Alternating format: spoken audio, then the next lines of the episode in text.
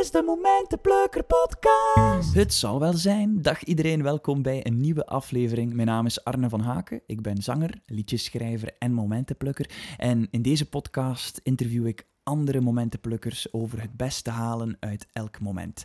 Vandaag heb ik een zeer interessante madame in mijn studio. Ze heet Sonja Kimpen. Mensen een energieke levensstijl bijbrengen is haar passie en haar doel. Na haar masteropleiding in de bewegingswetenschappen heeft ze decennia lang deze passie inhoudelijk uitgebouwd. Ze doseerde 15 jaar aan het Hoger Instituut Instituut voor Kinesiotherapie in Merksem, waar ze de lesgeefpassie ontwikkelde. Ze is wetenschappelijk medewerker aan de VUB en runt samen met haar man Mark het bedrijf Synergie, dat staat voor inspiratie in de breedste vorm. Presentaties, boeken, theatershows, personal training en coaching, ontwikkeling van voeding met een gezond verschil, waaronder het synergiebrood en breaks. Het is dus een zeer, zeer veelzijdige, uh, drukke, toffe madame. En uh, ik ken uh, Sonja al een tijdje persoonlijk, omdat ik met haar mega op fitreis. Ze organiseert elk jaar een reis, een inspirerende reis waar ze de 10 principes voor een gelukkig en gezond leven uitlegt, terwijl we samen zitten in een mooi all-in hotel, een week gewoon helemaal immersie, helemaal ondergedompeld worden in die goede vibes. En um, zo ken ik ze natuurlijk al een tijdje. En het is een fantastisch inspirerende madame. Ze is echt no-nonsense. Al haar inzichten zijn goed onderbouwd door de wetenschap en ze kan er zeer gepassioneerd over vertellen. Dus zo meteen kan je haar horen in deze podcast. Maar eerst even nog een andere mededeling. Dit najaar ga ik ook op Momentenplukker Tour. Dat wil zeggen dat ik met mijn gitaar het land rondtrek. En misschien stop ik ook wel in jouw huiskamer. Als je namelijk enkele mensen samenbrengt en mij een berichtje stuurt via Facebook of Instagram, dan, uh, dan kom ik langs met mijn gitaar en kom ik enkele verhalen vertellen ook over het beste halen uit elk moment. En doen we misschien ook enkele oefeningen samen om nog betere momentenplukkers te worden. Dus ben je geïnteresseerd, stuur mij een berichtje op Instagram, Arne van Haken, of gewoon op Facebook, Arne van Haken. Deel ook zeker deze podcast. Zo kunnen we groeien. Abonneer je.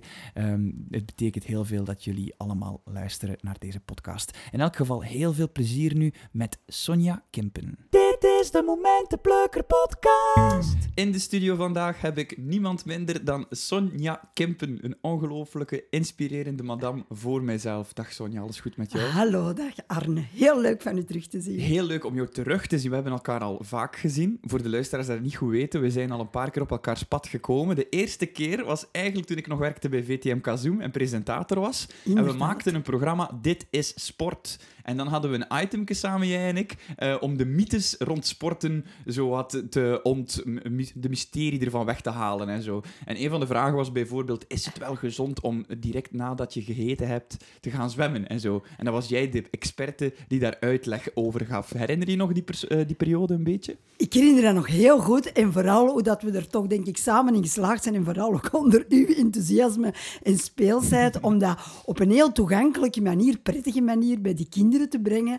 En dat je ziet ja, dat je toch wel op tv en met kinderen, wanneer je energieoverdracht kan doen, mhm. met een klein beetje kennis. Dus jij was daar een ongelooflijke aanbrenger voor. Dat was uh, heel prettig om samen te doen. Absoluut, ja. was superleuk. En dat is ook wat dat jij heel goed in bent. Je praat over energie en je maakt het ook altijd behapbaar voor je publiek. Of het nu voor kindjes is, of voor, voor, voor, voor, voor volwassenen, voor oudere mensen, voor jonge mensen. Je hebt een hele toffe manier om heel onderbouwde kennis op een heel behapbare manier duidelijk te maken. Dat heb ik ook uh, gelezen in al jouw boeken, want je hebt heel veel boeken geschreven.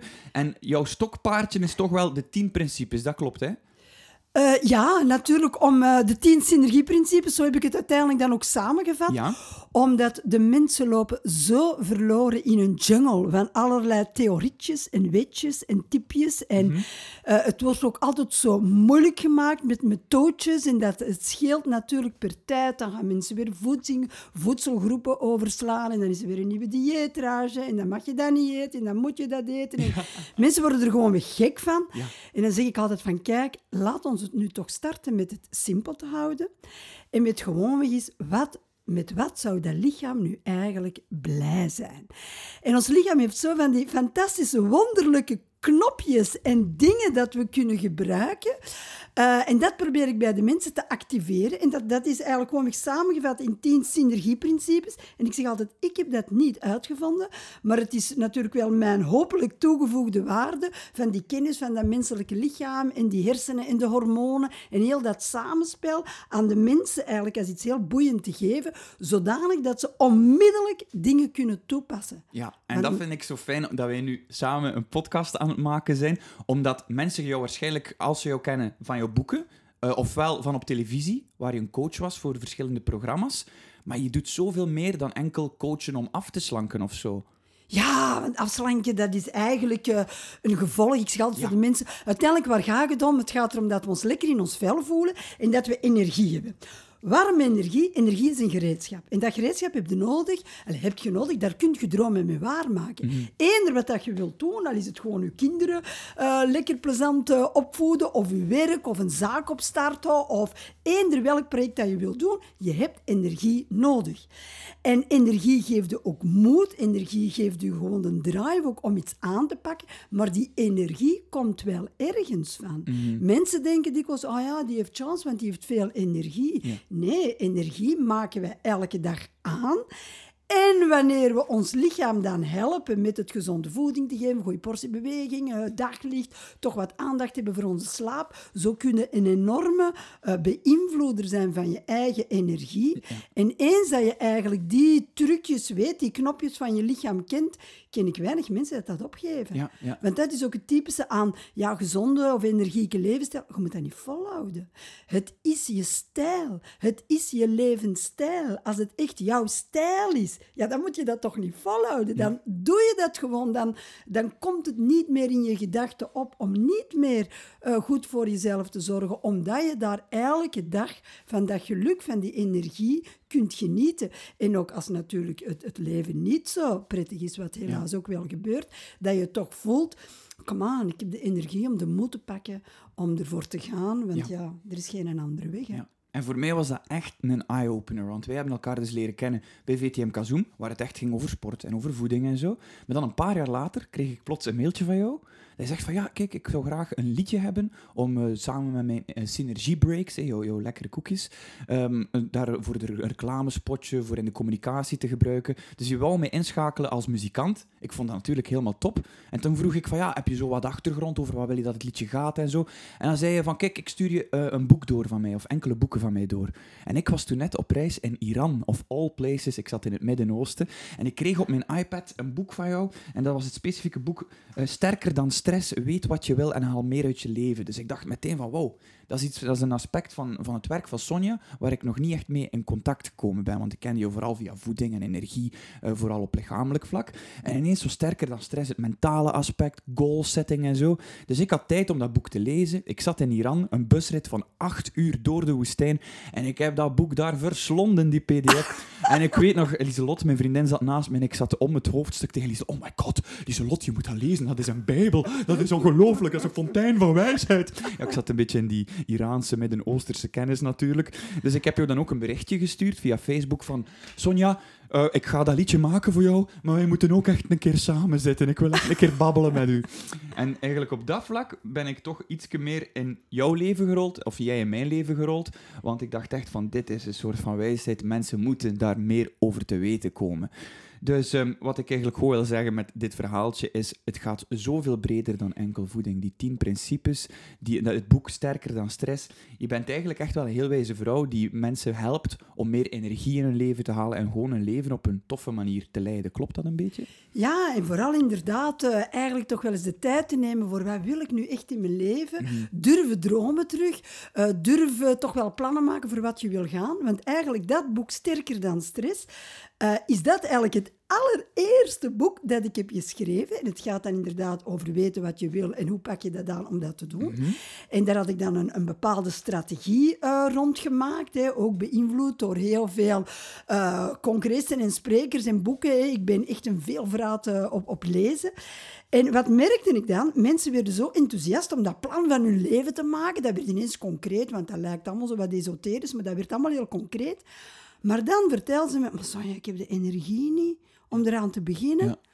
En dan eigenlijk, ja, dat is eigenlijk mijn echte vakgebied. Ja. Uh, dus uh, hoe kunnen we de beste energie in ons lichaam naar voren brengen? Hè? Via uh, master bewegingswetenschappen ja, hebben we natuurlijk ook alles van die fysiologie en alles geleerd. Mm -hmm. Dan dacht ik, oh ja, ik moet eigenlijk terug ook naar die basiskennis gaan. En dan zijn de andere boeken eigenlijk ontstaan. Maar, en die hebben dan natuurlijk onder invloed van, ja, wat is dat dan, behoeften in de maatschappij? Zijn die opgepikt geworden? Ik denk dat ik ja, toch mag zeggen dat ik twintig jaar geleden daar heel erg pionier in was. Ja. Die toch wel... eh, kijk, ik zeg altijd, voeding en bewegen, dat is het gemakkelijke deel. Ja. Het gaat erom dat we anders denken, dat we anders naar het leven kijken. En, en dat is ook allemaal niet zo moeilijk. Ik wil het ook altijd vooral heel gemakkelijk maken. Het, het heeft ook met een paar inzichten te maken. Als mensen die, die eigenlijk die eenvoudige kennis tot zich kunnen nemen, wordt eigenlijk alles anders. Ja. En door dat ga je dan spontaan ook anders eten, anders bewegen, anders genieten. Ja, en voilà, dan is het heel mooi om daar katalysator voor te mogen zijn. En neem ons even mee naar die periode. Je zegt 20 jaar geleden was je een pionier. Neem ons even mee, misschien nog naar een paar jaar daarvoor. Hoe is dat begonnen voor jou? Dat interesseveld in energie, in mentale weerbaarheid en al die zaken. Hoe is dat bij jou begonnen? Ja, hoe dat het begonnen is, is eigenlijk door heel veel frustratie. Ah. Hè, frustratie is natuurlijk een hele goede motivator. Ja, ja, ja. Eh, want ik kan toch wel zeggen, ik, ik kom echt uit een familie eh, met toch wel overgewicht. Eh, heel, mijn, heel mijn familie. En ergens was dat dan ook een, eh, de periode, mijn ouders natuurlijk, na-oorlogse generatie. Enorm veel respect voor mijn ouders, ze hebben heel hard gewerkt. Ik ben grootgebracht in een boekenwinkel. Maar een boekenwinkel is nu ook niet juist de branche waar dat je heel veel geld verdient. Maar de passie van mijn ouders was zo groot om toch maar alles te doen voor, voor boeken. Als mijn vader iemand kon enthousiast maken voor een boek te lezen, dan was die mens eh, zijn dag goed. Dus er was bij ons thuis wel eh, kennis in huis op veel gebied, behalve op eten. en dat was toch wel wat minder. Dus eh, met alle respect voor mijn ouders, maar met een heel ongezonde voeding eh, grootgebracht. En, en, en ja, s'nachts aan de koelkast nog wel lekker cornebuf eten en kaas. en alles wat dat slecht is. Mm, corned beef. Wat Ja. natuurlijk gevolgen had op, op, op, op mijn lichaam. Heel veel pestgedrag op school, ongelukkig voelen. En dan werd er gewoon thuis gezegd, ja, voilà, neem die pillen maar. Die stonden op de kast. Mijn ouders namen daar ook pillen voor. Dat bleken dan amfetamine te zijn. Nu zouden zou de dokters die dat voorschrijven, die vliegen daarvoor in de gevangenis. Maar toen in die tijd, eh, ja, toch wel heel veel jaar geleden, want ik spreek nu van dat ik dan eh 10, 12 jaar was. hè. Dus ja. zo lang. Want mijn grote droom was sportleerkracht worden. Amai. Dus ik, dat was zoiets, ik bewoog heel graag en, ik, en, ik- en ik, ik zag dat echt wel van ah, mensen enthousiast maken voor te bewegen. Mhm. Maar ik zat in, dat, in conflict met dat eigen lichaam. Ja. Dus eh, dat was zo wel, ja, en, en ik turde en, ja, en ik was dan te dik om een wedstrijd turnen te doen. En dan heb je daar ook weer die frustraties rond. Dus, en zo is dan, ik dacht dan ook wel door naar de universiteit te gaan, ah, dan ga ik alles leren van het lichaam. En in het begin was dat zo, en dan ga ik mijn eigen lichaam onder controle krijgen. Ja. Wat dan eigenlijk, ik heb daar heel veel geleerd over, eh, ja, over het menselijk lichaam, et cetera. Maar na de universiteit deed ik eigenlijk nog altijd de zotste dingen, de, de domste diëten en noem het maar. En voor mij is toch wel de grote klik gekomen toen ik kinderen wou op de wereld zetten omdat ik dan dacht, ja Sonja, zo kan het niet. Hoe dat jij bezig bent, dan extreem bewegen, excessief... eh, eh, dus ja, extreem bewegen, dan weer eh, heel fanatiek diëten, de ongezondste dingen die er waren, shakes, pillen, noem het maar op. Met uiteindelijk altijd maar een korte termijn resultaat. Ja. Massa's frustraties, het ondermijnt uw zelfrespect, het ondermijnt uw zelfvertrouwen, eigenwaardige naar beneden. Zelfbeeld Ja. is natuurlijk ook naar de vaantjes. Ja, met dergelijke mindset kindjes op de wereld zetten, ergens voelde ik toch intuïtief aan, eh, dat kan niet. En dan heb ik mijn gezonde verstand gaan gebruiken van kijk, eh, begin nu eens gewoon toe te passen wat je hebt geleerd. En eh, ik ben dan ook wel ondertussen onder invloed van heel grote inspirators. Ehm, ik, ik hou ervan als mensen mij bijvoorbeeld een tip geven, dan krijg ik soms dat goosebump moment, dat ik helemaal kippenvel krijg. En dan voel ik, ik moet dat doen. En zo heeft er ook iemand mij de tip gegeven, die zei gewoon tegen mij, Sonja, jij moet naar Amerika gaan, naar Anthony Robbins. Die man gaat u beïnvloeden, je moet die doen. Ik heb zelfs niet gevraagd, ja, maar wie is dat juist? Ja. Wat is dat? Je moet weten, toen bestond het internet nog niet. Oké, Het ja. internet is eh, echt zo in de jaren eh, 96, en ja, ja, 90 ja, is dat zo wat begonnen. Dus niettemin, ik heb die raad gevolgd, eh, daar toch eh, gaan, gaan opzoeken. Ik ben naar die man gegaan. ja. Naar, naar de United States, naar Anthony naar- Robbins. Ja. Naar Anthony Robbins. Dus wat een self-made man is, maar die toch wel de ongelooflijke gaven heeft om bij mensen, eh, hoe dat de hersenen werken, hoe dat je daar toch eh, invloed kunt op hebben, hoe dat je die emoties kunt beïnvloeden, wat allemaal ook wel gebaseerd is op eh, toch wel eh, serieuze theorieën, waarvan dan nu bijna 30 jaar later, nu komt die hersenwetenschap volledig tot zijn recht. Hersenwetenschap, hormonenwetenschap. Dus alles wat ik toen al leerde, ook via die man en dan nadien via de literatuur, is nu elke dag wordt dat nog meer en meer en meer onderbouwd met wetenschappelijke kaders. Dus ik besef, die man heeft toch wel mijn denken heel erg beïnvloed. En dat merkte ik ook. Toen heb ik gemerkt, dat gaat hier eigenlijk niet over eten en bewegen. Dat gaat hier gewoon over die mindset, mhm. over je emoties natuurlijk toch wel wat kunnen managen. Uh, je leerde, ik heb daar ook heel veel strategieën geleerd, dat uiteraard eerst op mezelf toegepast. Eh, nooit iets aanleren aan iemand wat je zelf uiteraard niet kan. Ja, en dan is er een, een, een wereld veranderd. Ik begon dan ook anders les te geven, ook aan mijn studenten. Ja, dat is wel. Je komt van een universiteitsopleiding bewegingswetenschappen dan, dat wordt dan wel even helemaal opengetrokken, denk ik, als je terugkomt. Ja, dat wordt natuurlijk... Uh, ja, dat is echt een, een, een eh, paradigmaverschuiving. Ja. En wat ook wel was, ik gaf in die tijd les aan het Hoger Instituut voor Kinesiotherapie. Mm En dan kom je natuurlijk wel... Het was mijn vak, uh, dat was uh, psychomotoriek en ook didactiek. En ik moest mijn studenten aanleren van hoe je dus ten allen tijde, altijd, ondanks alles, de mensen kon in beweging zetten. Ja. Want als je spieren niet onderhoudt, dan, takel, dan takelen ze af. Ja. Maar als natuurlijk de mensen een heel zwaar accident en volledig uh, verlamd of een, een, een, been kwijt, of cetera, ja, dan moet je wel bepaalde kliks maken in je hersenen. Dus uiteraard zaten die mensen met een depressie. Uiteraard uh, moest er alles terug aangeleerd worden, soms ook met de logopedisten, met de ergotherapeuten. En natuurlijk werd ik dan helemaal ook gefascineerd. Ja, hoe kunnen we dat doen? Voor die mensen ook die kracht te geven, die, die, die ongelooflijke flexibiliteit van die hersenen. Ja. Hoe kunnen we daarop inspelen, die neuroplasticiteit, wat toen ook nog allemaal... Ja, het was allemaal try and error nog. Hè. Kinesiotherapie is ook heel lang... Het is een empirische wetenschap. Het is geprobeerd dit en je tracht dat. En, ah ja, en dat werkt met een dier, geprobeerd dat Maar dat is toch gek, want inderdaad, nu kennen we dat, dat woord neuroplasticiteit en weten we dat we onze hersenen wat kunnen aanpassen door, door gewoontes en zo. Maar twintig jaar geleden inderdaad, dan was je daar pionier op. Is dat dan vanuit een soort gevoel van ja, dat klopt, of ik merk dat dat werkt? Of, want bijvoorbeeld Anthony Robbins, daar resoneerde bij jou ook. Ja, dat is een man met heel veel strategieën en allemaal, maar zegt zelf van die wetenschap heeft nu pas, krijgt nu pas vorm, dat bevestigt nu pas al die methodieken. Hoe weet je voor jezelf dan van ja, dat is wel. Allez, hoe kan je daar pionier in zijn? Want als je pionier bent, dat betekent per definitie dat de rest van de maatschappij daar nog niet in mee is. Dus van, ja, ik heb natuurlijk het, het, geluk gehad via de studenten en ook een club dat wij hebben, waar wij mensen coachten in gezonde leefstijl, want dat was, hè, dat was mijn vak.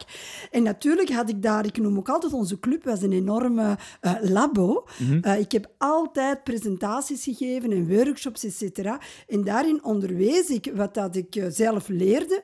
Maar de verhalen van de mensen ja, dat was natuurlijk mijn, mijn materiaal voor mee aan de slag te gaan.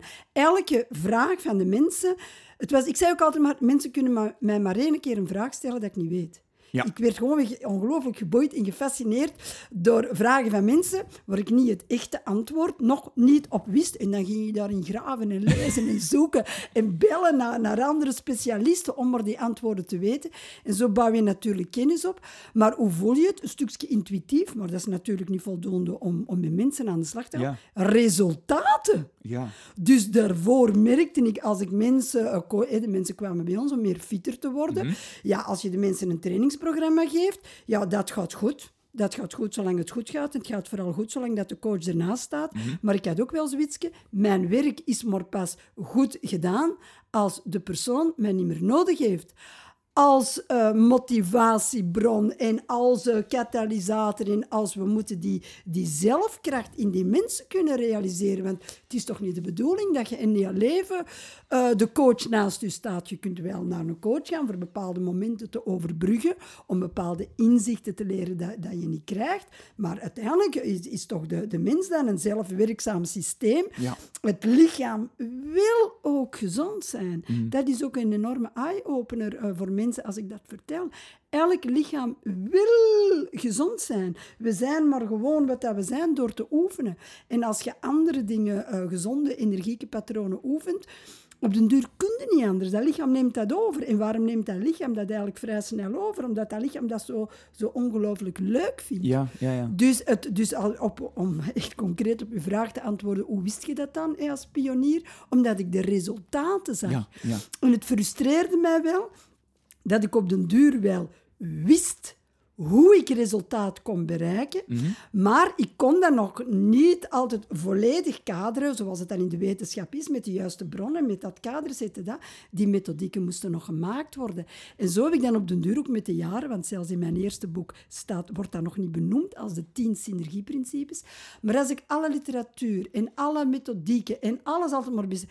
Dat komt altijd neer op tien principes. Ja. Dat zijn gewoonweg tien aspecten van het lichaam dat wij kunnen beïnvloeden. En als je dat doet, een lichaam is gemaakt voor synergie, zeg ik altijd. Het geheel is meer als een som der delen. En wat is dan die meer? Die meer is die energie. Ja. Door gewoonweg al die stukjes aandacht te geven. Heel simpel dingen. Allemaal dingen dat de mensen weten. Ja. Mensen hebben natuurlijk al gehoord dat, dat water drinken, alle hydrateren, eh, dat dat toch wel voordelen heeft voor de prestatie. Dat eh, fruit en groenten, er is toch niemand meer op aarde die nog nooit heeft gehoord dat dat niet belangrijk is. Natuurlijk, ik geef de waarom. Hè. Ja, voilà. En dan hebben de mensen ook meer Ja, motivatie. De mensen die nu al op het puntje van hun stoel zitten van geef ons dan toch die tien principes. nou, daar raad ik jullie eerst en vooral aan, koop haar boek. Ze heeft een nieuw boek uit, het heet De 10 Synergieprincipes. En dat is dan het, la- het laatste boek waar het ook echt wetenschappelijk onderbouwd is dan. Ja, want uiteraard, er staan heel veel dingen ook van dat boek, dat moet ik toegeven, in die andere boeken. Maar omdat de wetenschap nu zoveel verder is, kon ik dat nog veel beter eh, eh, onderbouwen. En natuurlijk, ik ben ook altijd blij als, als ik zelf inzichten krijg. Eh, ja, het is ook de vocabulaire ontwikkelen om het voor de mensen zo eenvoudig mogelijk uit te leggen. Ja, en dat zie ik vooral als mijn meerwaarde. Wetenschap gebruiken en dat op een toegankelijke manier aan mensen geven, dat mensen er iets mee kunnen doen. Ja. Want het is uiteraard ook niet de bedoeling dat iedereen bewegingswetenschappen en, en, en voedingsleer gaat studeren en, Ja, ja, ja. en psychologie. Dus gewoon, we gaan uit elke wetenschap die deeltjes nemen waar dat we onmiddellijk iets mee kunnen doen. En dan merken de mensen ook wel... In C is het niet zo moeilijk, maar we moeten ook wel bereid zijn het proces aan te gaan. Hè? Ja, en dan maakt u een fantastische coach, want als er één iemand is die het echt ook doet, dan zijde jij het. Want hé, je bent dan afgestudeerd, je gaat dan naar Anthony Robbins, omdat iemand u gewoon aanraadt van je moet die kerel zien. Je doet dat, je wordt geïnspireerd, je komt thuis en je begint ook echt mensen te coachen. Spreek ik het een beetje in de juiste volgorde uit? Je hebt dan Ja, een centrum opgericht? Of zelfs ook nog een, een Ja? tussenstuk. Al wat ik, telkens als ik na- naar een congres ga, ik ben er wel zeer gedisciplineerd in, Ja. Dan vind ik ook, hè, want congressen, vooral ook in het buitenland, het kost natuurlijk ook heel veel centen, het vraagt ook heel veel tijd. Al wat ik leer, ga ik onmiddellijk al die avond verwerken op mijn eigen manier, wat ik er kan mee doen voor mensen. En Oh. dan inderdaad, als ik dan toekom, dan wil ik die, die kennis dat ik heb geleerd onmiddellijk beginnen uittesten Ja. en doen. Ja, en zo beginde dat eh, samen, eh, samen te, te brengen. En dan, eh, ja, en dan, als je dan merkt dat dat bij mensen ook werkt, Ja. ja. krijg je natuurlijk nog meer energie voor daarop door te Ja, gaan. super. Misschien kunnen we straks even kort de tien eh, synergieprincipes overlopen ook, voor de mensen, als je dat ziet zitten. Dat, eh, dat kan. Oké, super. Maar eerst wil ik weten, want je bent ook echt een ondernemer. Hè? Je hebt lesgegeven aan kinesiotherapie dan, hè, die school. Maar je hebt ook je eigen centrum opgericht dan. Was dat al gauw daarna, of daarnaast, of Ja. hoe ging dat in zijn werk? Dat was de, de hele grote droom van mijn man en- mij. Ik heb mijn man Mark al leren kennen op de sporthumanioren. Ja. En eh, ja, ja wij, wij, wij hadden allebei die, die passie om dus voor, voor die sportwetenschappen te gaan. En ehm, dus we hebben ook, hij heeft wel gestudeerd op de Vrije Universiteit eh, van Brussel. Ik heb in Leuven ge- gestudeerd. Dat was omdat je, als, is dat dan als je jong bent, een relatie aan, af, aan, af. Ja, ja, ja. En ik had toch al zoiets, ik ga dat niet van een man laten afhangen. Dus ik, ik ga naar Leuven gaan en Ja. hij is naar Brussel gegaan. Maar dat heeft natuurlijk wel onze, onze kennis enorm verruimd. Want als je dan toch de inzichten van twee universiteiten kunt gebruiken. Absoluut. Dus dat was heel verrijkend.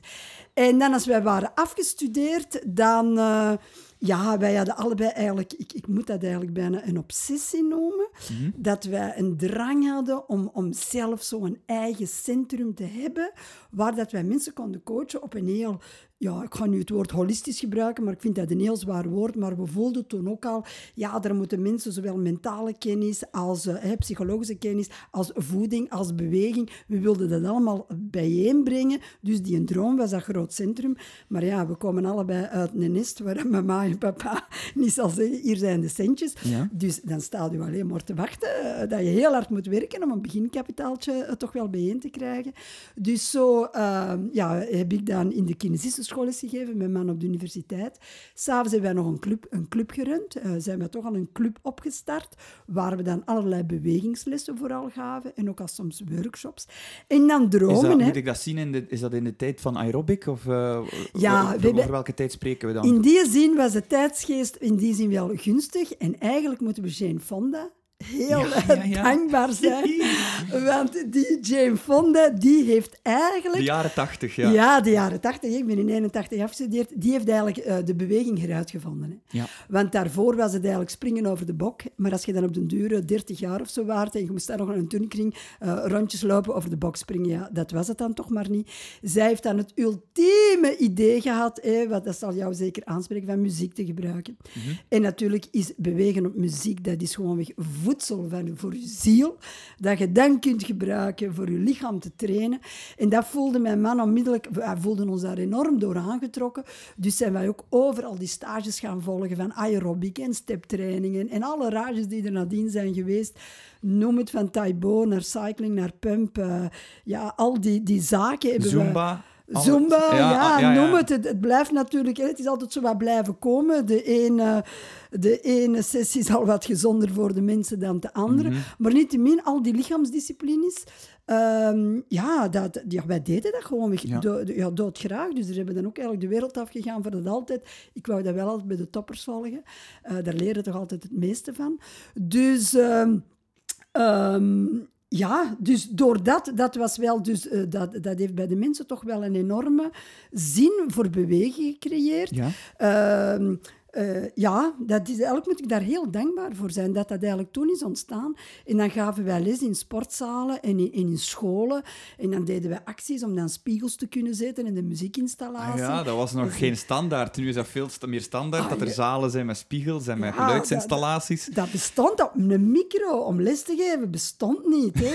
Vandaar dat ik zo'n mooie stem heb. Je hebt gewoon je stem kapot geroepen iedere ja, keer. dat is totaal. Je, je, je zet dan die muziek op voor een goeie Ja, ja, een TV en daar dan nog eens overgaan als, als sportleerkracht. Rechts. Ja, of, in of, of, of, in een zwembad lesgeven en daarover, of in een basketbalhal. Dus.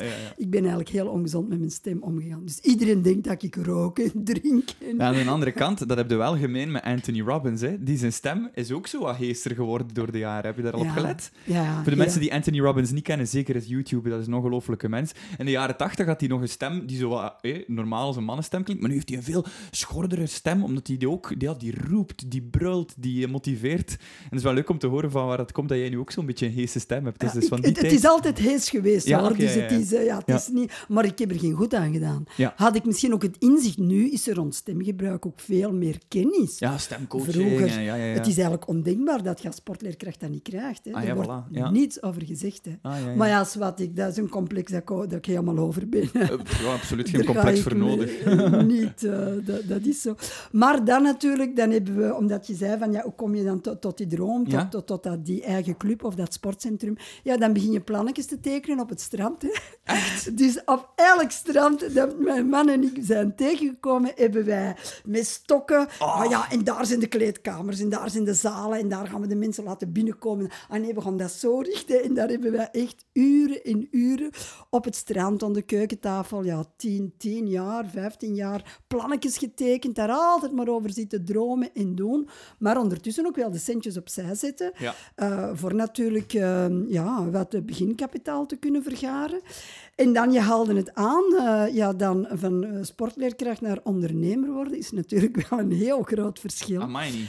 En, uh, want uh, het moeilijkste was al gewoon weg een, een lening te kunnen krijgen. Ja om dat te doen. Ik heb daar minstens ja, 30 banken voor afgegaan. En mijn man en ik hadden dat ook wat verdeeld. Uh, uh, ik hield mij vooral... Ik, ik had een ondernemingsplan uh, geschreven om die, die lening te kunnen hebben. Dat hielp voor geen meter, maar eerst was dat maar 20 bladzijden. Mm -hmm. Dat weer altijd maar dikker en dikker. Dus eigenlijk was dat misschien wel het allereerste boek.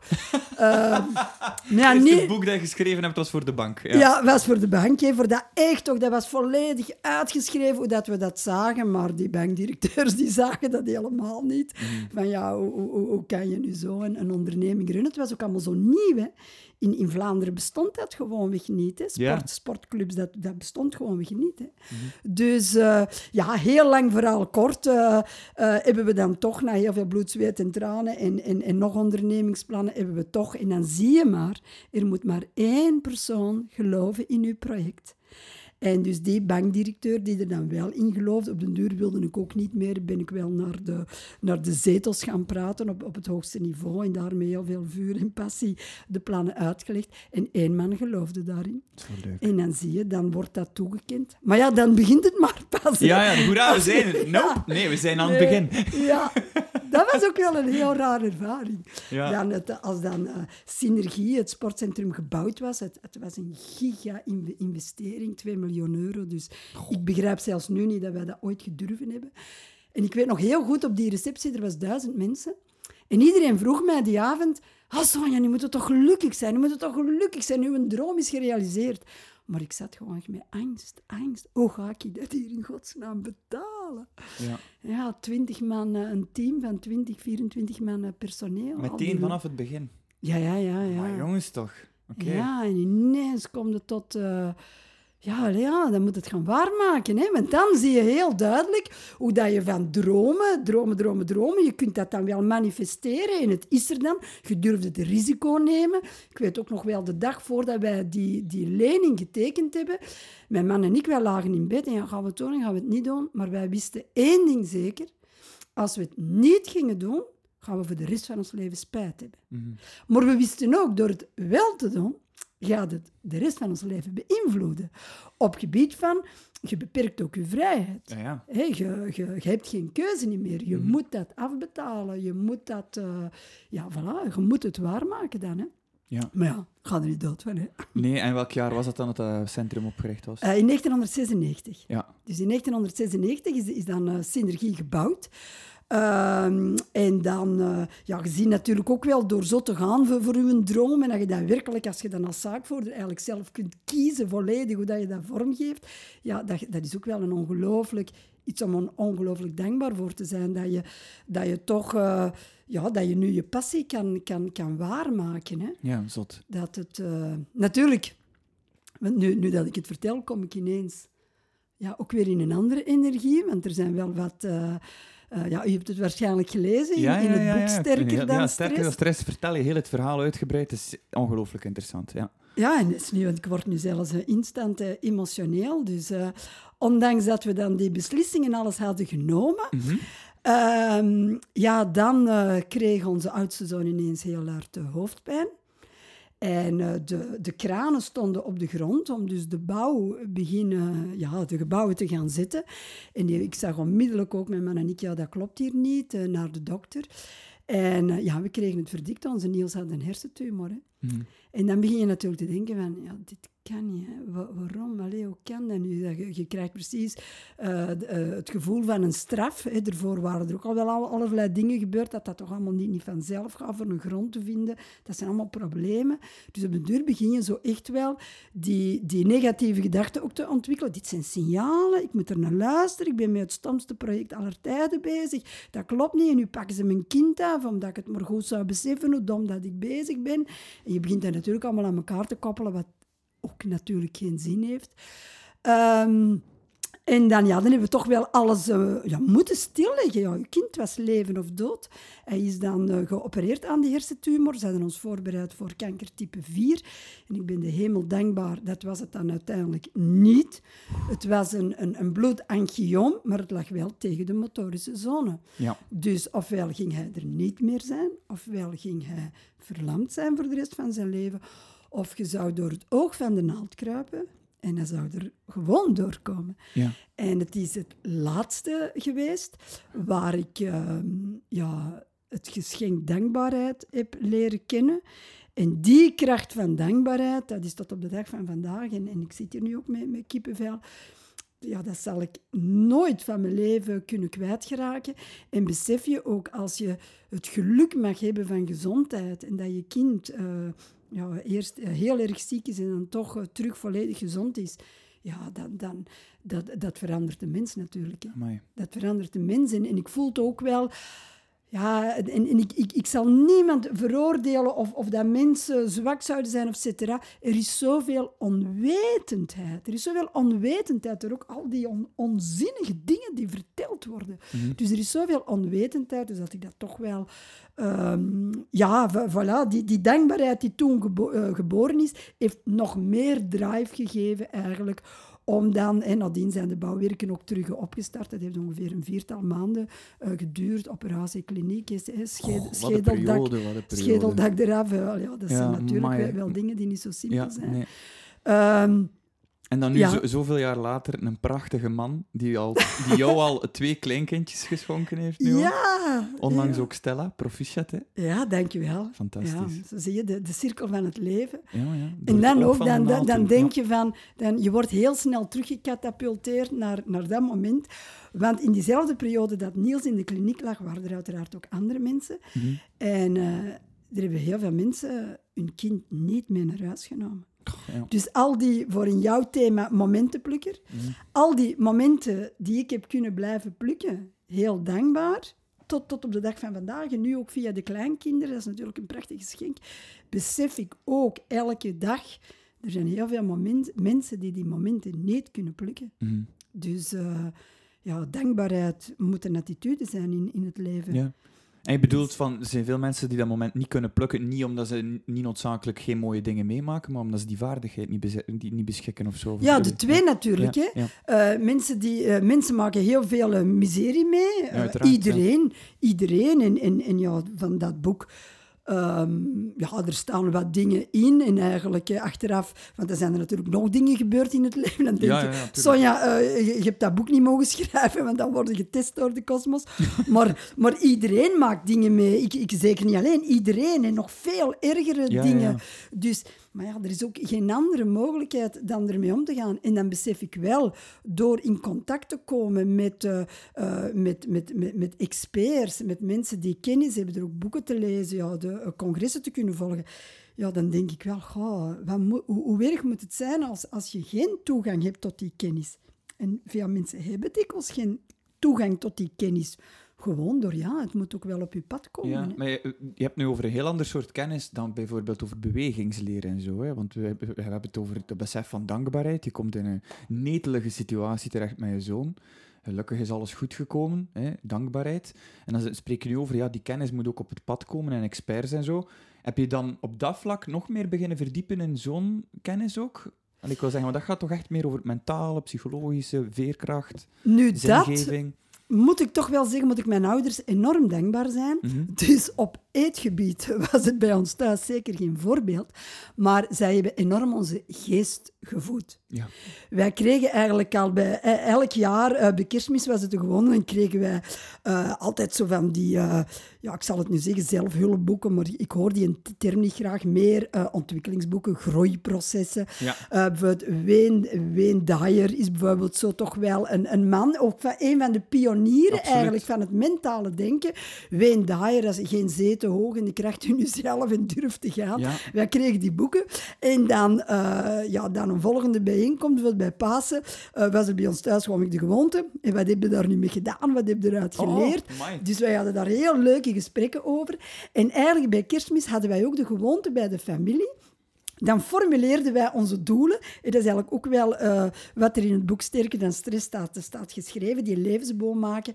Maar wij hadden bij ons thuis eh, het spelletje, zal ik het maar noemen, van wat gaan we dit jaar doen? Waar willen, waar willen we dit, na dit jaar op terugkijken wat we gerealiseerd hadden? Grotere dingen, kleinere dingen. Bijvoorbeeld, dat zal bijvoorbeeld ook zijn, een voorbeeld van mijn vader. Ja, ik wil dit jaar tijd hebben om drie keer lekker te gaan uitwaaien aan de Schelde. Zoiets heel klein. Maar voor dat heel klein ja, moet je toch ook wel die tijd vrijmaken, en, en et cetera. En dan hadden we de gewoonte, telkens bij kerstmis evalueerden we elkaar. En onze mama hield de tabellen bij van de vooropgestelde doelen. En dan bijvoorbeeld, als mijn vader dan maar twee keer was gaan uitwaaien. Ah nee, papa, je hebt dat niet bereikt, het doel niet bereikt, niet goed.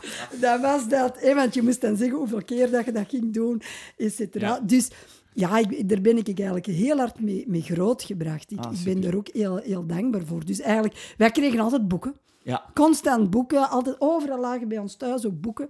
Als mijn vader ging, eh, ging, ging, ging wandelen, of die zag op een vuilbak een boek liggen. Ja. Dat moest mee naar huis. Ja. Een boek moest gekoesterd worden. Hè. Dat, Mooi. is, ja, dat was een heiligdom. Hij had een enorme drang naar kennis, omdat hij ook uit een gezin kwam waar studeren niet in de mogelijkheden zat. Ja. Hij zat in Latijnse, maar hij is moeten stoppen omdat er gewoon geen geld was thuis. Zijn vader was mijnwerker en ongeletterd.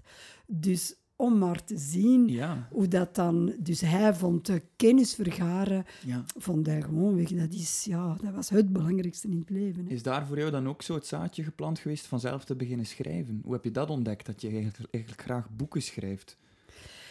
Ja, mijn vader die had eigenlijk altijd een grote droom van zelf te schrijven. Dus er werd thuis ook, ook wel eens over gepraat. Hij heeft er daar niet de tijd op gehad, buiten op zijn 76 jaar. Dan heeft hij zijn eerste boek geschreven.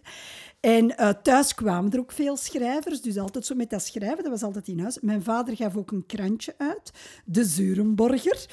Eh, dus wat trouwens nu nog een afgeleide altijd eh, van bestaat, dus die schreef ook. Dus schrijven, dat was bij ons zoiets, dat was normaal in onze biotoop. Ja.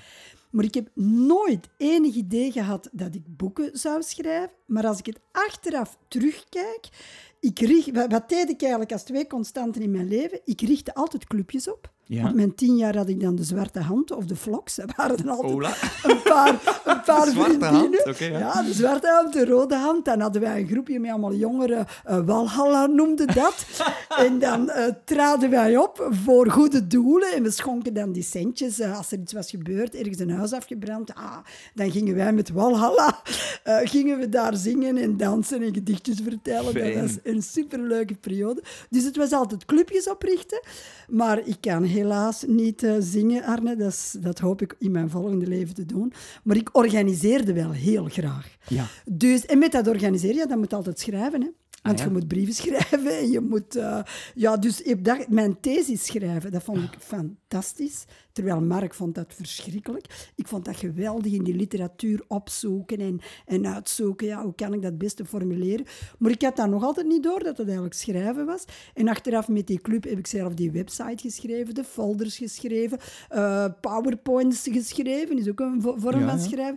Dus ik ben eigenlijk altijd met schrijven bezig geweest, zonder dat ik dat eigenlijk besefte. Fantastisch. Maar de mensen vroegen dan, oh Sonja, na een cursus schrijf dat toch eens op in een boek en dan kunnen wij dat nog eens vastpakken. En, maar dat is wel gemakkelijk gezegd, een, boek schrijven, je hebt daar tijd voor nodig. Hè? Ja. En dan een zaak en twee kinderen en zelf lesgeven en het managen van het personeel. En, en, ja, je En wat is dan je eerste boek geworden?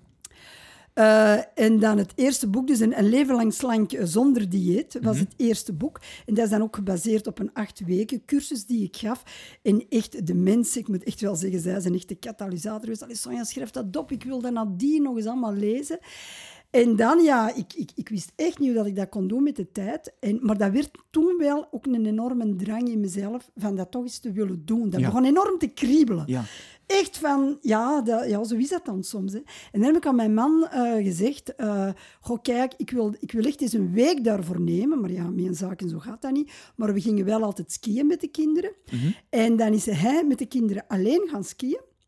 En ik heb dan die week gebruikt om, eh, om te schrijven, om te starten met schrijven. En het gezin was de deur uit. Ja. En ik, begin, ik ben beginnen schrijven en ik heb heel die week, dat ging nachten door. Ik, ik was ook niet, niet moe.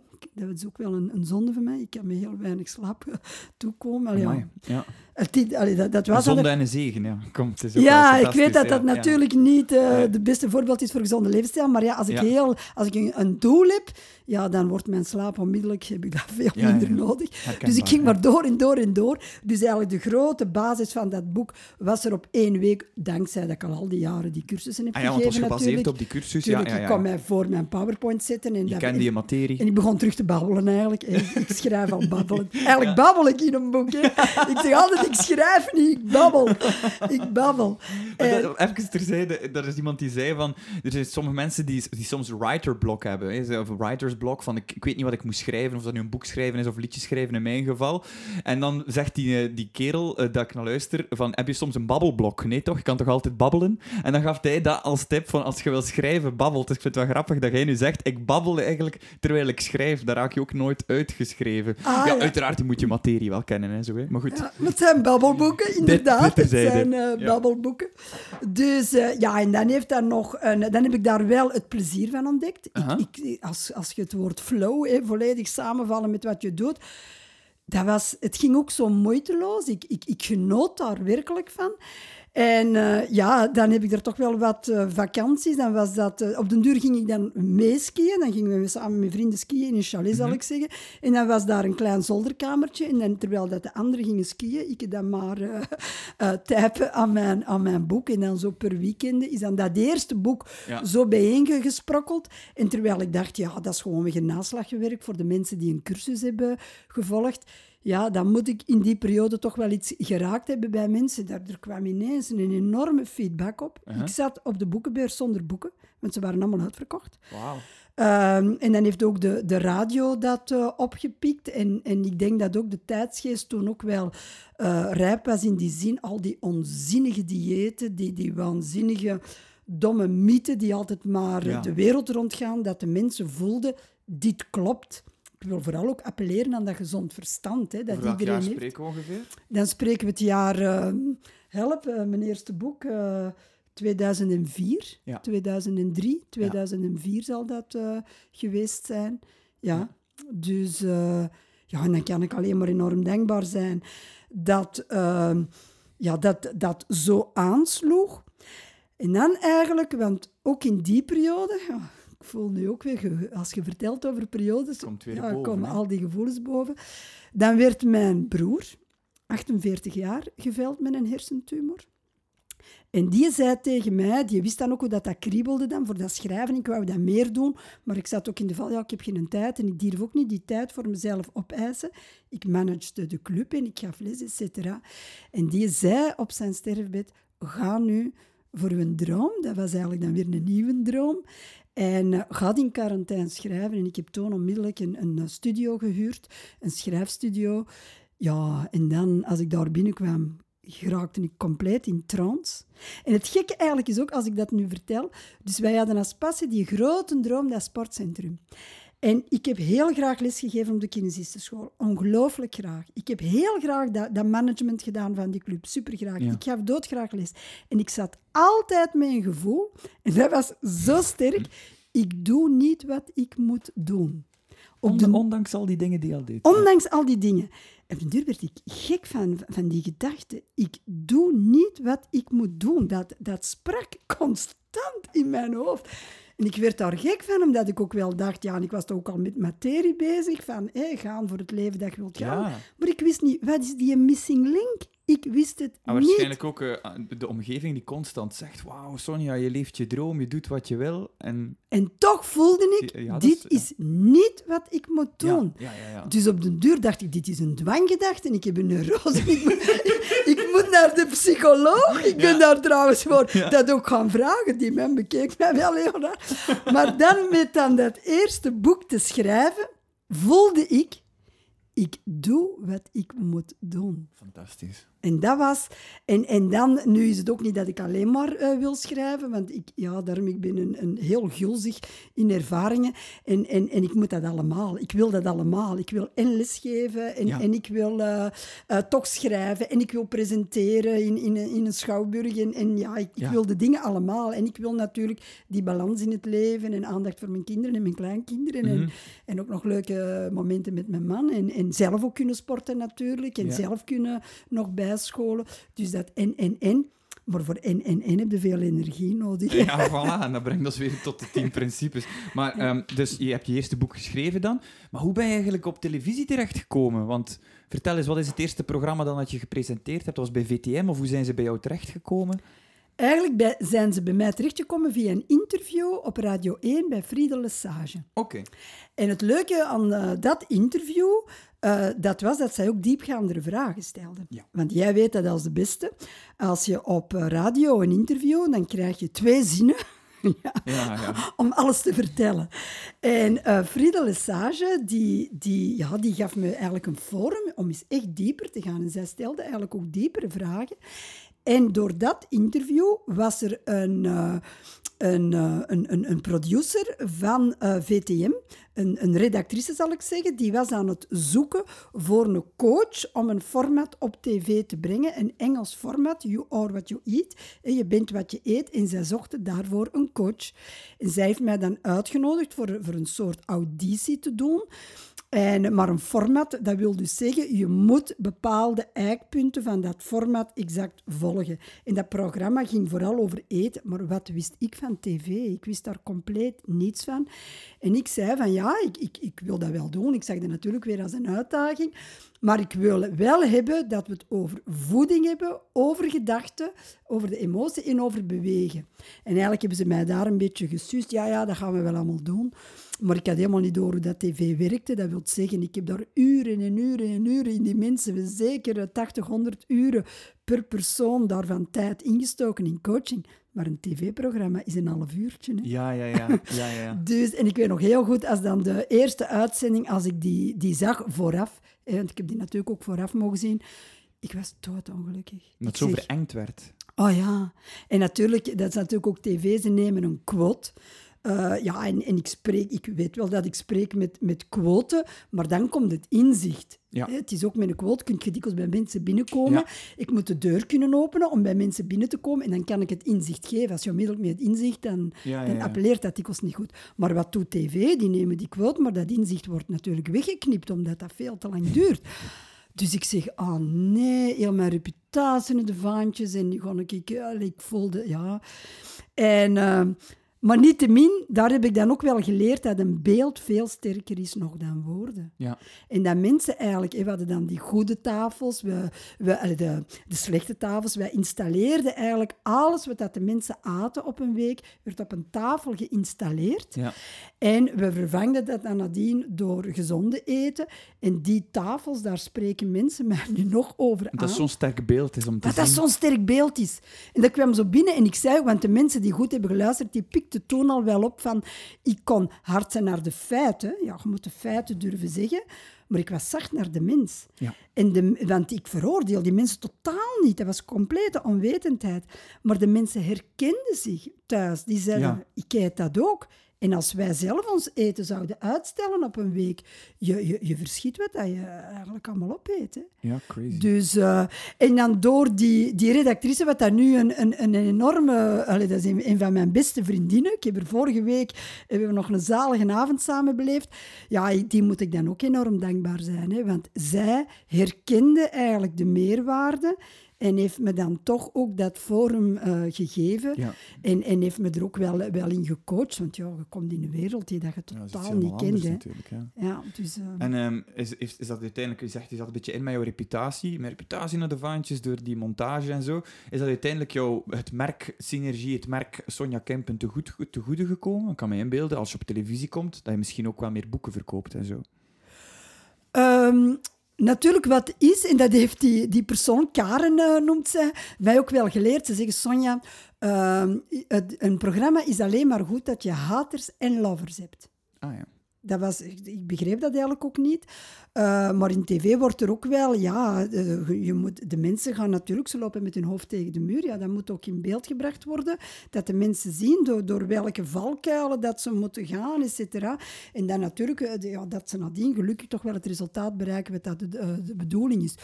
Dus... ehm, ja, het, het merk, je, je, je praat natuurlijk nooit over jezelf als, als, als een merk. Ja, uiteraard niet. Ehm, maar wat dat wel was, dat tv... Ik, ik was daar ook allemaal niet mee bezig, maar dat tv-programma had toen in die tijd een miljoen kijkers. Ja. En VTM, wij kregen na de eerste uitzending, want ze zaten dan ruim over het miljoen, kregen wij een grote mand met, met, met, met fruit en met, met champagne. Dat werd gevierd.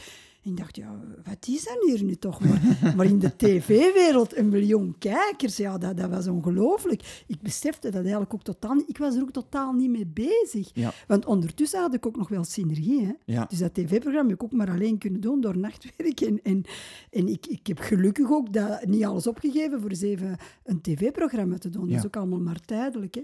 Maar ik moet wel zeggen, dat heeft ook heel veel persaandacht gehad. Dus inderdaad... eh, mijn naam, So- Sonja Kimpe, ja, die, die kwam dan wel in heel veel forums terecht. En heb ik ook heel veel kansen gehad. Eh, ik heb een, een heel uitgebreide serie kunnen schrijven voor het laatste nieuws, in alle magazines. Ehm, je krijgt dan ook natuurlijk wel heel veel kansen als, als, als mensen voelen, er is een honger naar die kennis. Ja, weten media u ook wel te vinden. Ja. Dus als ik, als ik ja, al de persmappen, de, de, de bakken vol met, met persmappen, ja, dan denk ik van, ja, ik heb wel een ongelooflijke vorm gekregen om, om daar altijd te, te mogen over communiceren. Ja. Ja, dat is een feit. Dat is... eh, ehm, en dat komt natuurlijk dan boeken ook ten, ten goede. Dan willen mensen daar meer van weten. De uitgeverij was natuurlijk dan ook enorm eh, content. Ja. En zij stimuleerde mij dan ook heel hard voor vervolgboeken te schrijven. Wat eigenlijk geen, geen, geen probleem was, zal ik zeggen. Want al die materie die toen op tv kwam, maar ik gaf dat al jaren. Ja, ja, ja, ja. Het is in 2006 eh, ongeveer dat ik op tv ben gekomen, maar ons eh, synergiecentrum is gebouwd in 1996 en ik was afgestudeerd in 1981. Dus ik was al al die jaren bezig met datzelfde, dus ik kon daar eigenlijk parate kennis eh, demonstreren. Anders had ik dat ook niet op die manier kunnen doen, als Ja. je dat dan nog allemaal moet gaan opzoeken. Dat was parate kennis. Maar wat wel is, als het op tv is geweest, krijgt dat precies een groter waarheidsgehalte. Ja, ja. En dat is wel, wel gek eigenlijk om te ervaren. Want daarom besefte ik zelf niet, ja, maar dat is maar gewoon wat ik al al die jaren deed. Ja. Voor mij was dat zelfs niet nieuw. Ja, en, en daarom, allee, da- daarom dat ik het ook zo fantastisch vind wat hij doet. Want allee, ik ga geen concrete voorbeelden geven, maar er zijn veel mensen die op televisie zijn, die iets meemaken in hun leven. En het feit dat ze iets meemaken... Ik heb nu denk bijvoorbeeld, eh, een vrouw wordt ineens zwanger. En eh, een jaar later schrijft ze een boek over zwangerschap. Alsof ze een bepaalde autoriteit gekregen heeft door het feit ze is bekend. Ze is door het proces geweest van zwangerschap. En dan schrijft ze daar een boek over. Let op, misschien is dat boek dan ook wel goed onderbouwd en heeft ze mensen geïnterviewd. Ik weet nu niet precies hoe het in elkaar zit. Maar wat ik zo tof vind aan u, je deed al al die dingen lang, dan krijg je de kans om een tv-programma daaraan mee te werken. Je, laat daar ook niet echt niks voor vallen. Hè. Je, je runt nog altijd je centrum, je geeft nog altijd les, je schrijft intussen ook je boeken. En oké, mensen geven meer aandacht aan jouw boeken nadien. Maar inderdaad, alles wat je daar, daardoor schrijft ook, dat is gewoon materie dat, dat al zo diep bij jou zit, dat je kent, dat geresearched is en allemaal. Dus het is helemaal niet, ik wil maar zeggen, het is niet gewoon dat, dat er boeken gekomen zijn na een tv-hype. En dat, dat je daarop... Nee, ik Ja. vind het eigenlijk wel mooi dat jij dat zegt. Want soms wordt het dan wel gezegd, ja, maar als je op tv komt, dan is het gemakkelijk. Ja. Dan denk ik, ja, maar ik had wel. Mijn, mijn eerste boek, ik ben heel dankbaar dat dat een bestseller was in, in Vlaanderen toen. eh, 60.000 boeken verkocht voordat iemand jou kent. Dat komt niet, niet zo heel veel voor. In Vlaanderen heb je een bestseller eigenlijk al van 5000, van 5000 boeken. Dat was in een mum van tijd, die, die 60.000 boeken. Wat natuurlijk mij ook wel een enorme drive gaf om, om, om, om de dingen nog meer op te schrijven, Ja. et cetera. En eh, wat dat je daar eigenlijk ook wel aanhaalt, dat is, we leven wel in een tijd van ervaringsdeskundigen die, wat wordt soms verward met expert. Mhm. En, en dat is soms wel een beetje waar we toch heel hard moeten voor oppassen. Eh, nu, ik gun iedereen zijn ervaringen, ik gun iedereen zijn enthousiasme om dat te delen. Maar dan is het belangrijk dat je dat deelt om je eigen verhaal te delen. Maar dikwijls krijgen mensen daardoor een missiegehalte van... Voor mij werkt dat, dus voor iedereen werkt dat. Mhm. Maar dat klopt niet. Ja. Daarvoor hebben we dan wetenschap. En wetenschap, ik zeg ook niet dat wetenschap alles kan, eh, kan bewijzen, want we zitten natuurlijk ook met dat het mens zijn is een, is een vat vol gevoelens en Ja, een belevenissen. et belevingswereld cetera. is moeilijk empirisch... eh, ja, is moeilijk Ja, te dus da- daar moeten we... we kunnen niet alles bewijzen met wetenschap, maar er worden toch wel heel veel eh, denkfouten gemaakt. En dan denk ik altijd, ja, daarvoor is een opleiding toch wel interessant. Het eerste wat je leert in elke universitaire opleiding is het belangrijkste vak. Er is maar één, één vak ontzettend belangrijk, kritisch denken. Mhm. Stel uzelf in vraag. Stel de hypothese in vraag. Is Ja. het waar wat dat je zegt? Mhm. Kan je dat stellen dat dat voor iedereen het beste is? dan je moet toch wel die, die, die zelfkritiek hebben Ja. om te trachten universele dingen te zeggen. En ik tracht om de mensen ook te vertellen hoe dat een lichaam werkt. De wat is, is wat voor iedereen gelijk. We weten dat fruit en groente belangrijk is. Het lichaam hydrateren, zonlicht is belangrijk, bewegen is belangrijk. Dus die grote noemers, dat is eigenlijk voor iedereen gelijk. Maar de hoe, Mhm. wat is uw black box? Als mensen natuurlijk heel zware trauma's hebben meegemaakt, ja, dan kan een koekje goed doen, hè? Om een emotie dan weg te eten en onmiddellijk op één seconde een lekker gevoel te hebben. Ja. Natuurlijk nadien terug de dieperik in door, een suikerdiep. Maar ja, dat is dan weer die onwetendheid. Maar daarom, de, ja, tegenwoordig heb je ook voor alles coaches, maar men, of, of mensen gaan soms coachopleidingen volgen. En ik vind alle vormen van ontwikkeling vind ik goed. Maar dan willen mensen coachen, maar dan zeg ik altijd, oké, en wat is nu het vak dat je kent om te coachen? Ja. En We, we leren eerst een vak en dan leren we het vak coachen. En dan kun je coachen in je vak. Ja. Maar tegenwoordig wordt Mensen coach zonder een vak. mensen coachen zonder een vak. Ja. Ja, dan wordt dat natuurlijk... Ja, dan, dan, dan werkt dat niet. En dan is het soms ook wel dat mensen nog meer in de jungle ver- verdwaald geraken. Ja, en dan krijgen mensen die coachen beginnen te coachen, omdat ze nu eenmaal geleerd hebben te coachen. Ja. Dan wordt er bijna metacoaching. Wij coachen coachen. Ja, ik, ik moet nu natuurlijk heel hard oppassen, want Ja, ik, ik, zit natuurlijk ook in, in de coachwereld en, Tuurlijk, en, ik- tuurlijk. en ik wil mijn eigen niet in, in een onderscheidende positie zetten van anderen. Maar het, het, het, ja, er, er is ook zo'n wirwar van opleidingen. De, Ja, ja. de universiteiten moeten er ook dringend eh, werk van maken, voor dat toch wel een beetje ook aan, aan, aan banden te leggen. Ja. Waar ik, waarmee ik niet zeg dat bepaalde ervaringen van mensen echt wel de moeite zijn om te delen. Maar we moeten weten ja, voor, voor wat dat we het dan delen. En, en dan merk je dikwijls ook, hoe minder dat de kennis is, hoe overtuigder dat mensen zijn van hun eigen gelijk. Ja, ja, ja. ja. Ik kan daar altijd Ja. zo met open mond staan kijken naar mensen en dan word ik altijd zo heel stil. En dan, dan, dan, kan, ik, dan kan ik eigenlijk... Ja, dan, dan word ik gewoon weer stil. En dan denk amai, als je zo zeker door het leven kunt gaan... ja, dat is toch waar? Ik vind dat ergens... Ik kan, u- kan u een voorbeeldje geven. Ik was ooit op een re- receptie en kwam een vrouw, tegen, een vrouw tegen die ik ken. En ik vraag, ja, waar ben je mee bezig? Zo gaat het op recepties. Ah, ik heb eh, hypnotherapie. Ik ben hypnotherapeut. Ik heb eh, hypnotherapie gestudeerd. Ik zeg, ah ja, fantastisch, interessant. Ik ken daar niet veel van. Wat kan je daarmee doen? Hoe kan je daarmee mensen helpen? Alles. Alles kan ik, ik, dat kwam daarop neer. Ze zei, ik kan alles genezen met hypnotherapie. Mensen met autisme, mensen die angststoornissen hebben. Allee, en ik dacht zo van, allee, ik werd daar ook een beetje stil van. Want allee, ik geloof, hypnotherapie zal zeker wel helpen op bepaalde vlakken. Maar het was zo alsof dat ze geleerd had hoe een hamer te gebruiken. Hè? En een hamer is een zeer nuttige tool, maar daarnaast, als je daar daarnaast geen zaag en geen beitelken hebt en allemaal kent, dan ga je met die hamer alles proberen doen. Hè? Dan ga je met die hamer proberen een plank door te zagen ook, omdat je nu eenmaal die hamer kent. En ik, ik denk dat ik daar een beetje wel in herken. Mensen die zo heilig overtuigd zijn van dat ene kleine ding dat ze geleerd hebben. Ik denk dat je inderdaad jezelf altijd wat kritisch moet, moet in vraag Ja, durven en stellen. van die grote zelfzekerheid word ik dan enorm onzeker. Ja, ja. Omdat ik denk van, kijk, hoe meer mensen dat je coacht, ja, dan, dan weet je ook dat eh, je kunt bepaalde kennis hebben, maar je moet zo voor een persoon dat dan ook wel weer persoonlijk maken voor die leefwereld. Eh, er zitten ook zoveel elementen in, ook al, alles wat, wat ons lichaam beïnvloedt, eh, met, met, met hormonen en hersenstructuren, neurotransmitters, de ingewanden die op een bepaalde manier moeten werken. Een gebrek aan één enzymeke, één hormoneke ka- ka- kan enorme ellende veroorzaken, waardoor dat mensen echt wel massieve actie ondernemen, maar toch niet het resultaat hebben. Ja, diegene die dat durft zeggen, dat we alles kunnen oplossen, ja, die moet mij dat onmiddellijk leren. Dan wil ik dat ook wel leren. Maar ik denk dat ik dat met een hele hoge noot met sterren op moet gaan eh, praten, met een zwarte cape. ja, dan worden we de tovenaar, hè. De goeroe. Ja, fantastisch. Dat, eh, ja. Oké, Sonja. Speciaal voor de luisteraars die gelezen hebben in de, in de titel de 10 principes, de 10 synergetische principes. Misschien kunnen we ze even kort overlopen voor de luisteraars. Lijkt jou dat een goed idee? Eh, ik hou eigenlijk niet van dat idee. Ja, maar gaan we niet te kort door de bocht daardoor? Eh, want eh, als magazines dan bellen ze, kun je me enkele tips geven. Dan zeg ik eigenlijk altijd, ik geef geen tips, ik geef inzichten. Ja. Maar ik begrijp wat je bedoelt, hè, want het moet hier ook geen blackbox zijn. Wat zijn dan nu die Ja. tien synergieprincipes? Want ze zijn uiteindelijk heel eenvoudig.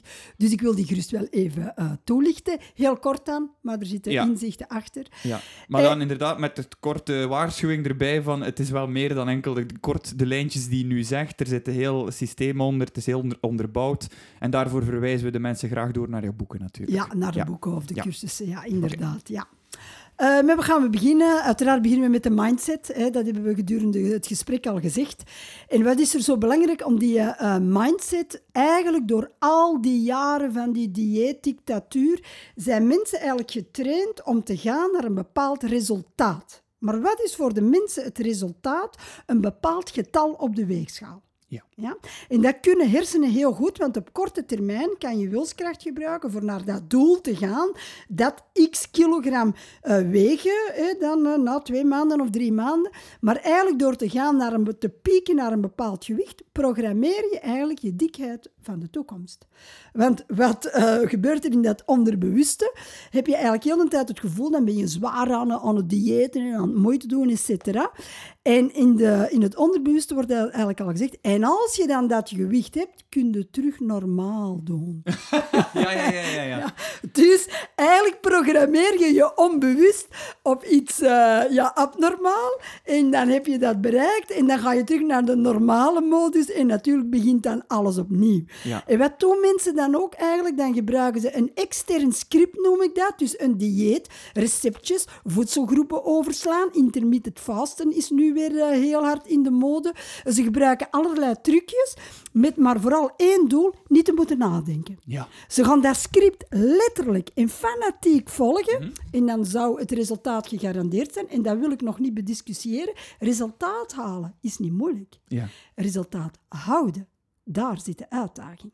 En dan hebben we een bepaalde mindset voor nodig om te willen gaan door het proces. Aha. En wat is het proces? Ja, dat is vooral doorgaan als het moeilijk gaat. Hè? Want iets doen als het gemakkelijk is, is gemakkelijk. maar we moeten natuurlijk kunnen doorgaan Ja. als het moeilijk is. Eh, we moeten natuurlijk met onze eigen valkuilen eh, leren kennen. Eh, we moeten leren omgaan met terugval. Want terugval hoort gewoonweg ook met de gezonde levensstijl. Ja. Maar hoe ga je daarmee om? En dan komen er allemaal vaardigheden waardoor je jezelf gaat tegenkomen. En dat is niet altijd gemakkelijk. Maar die vaardigheden ook wel...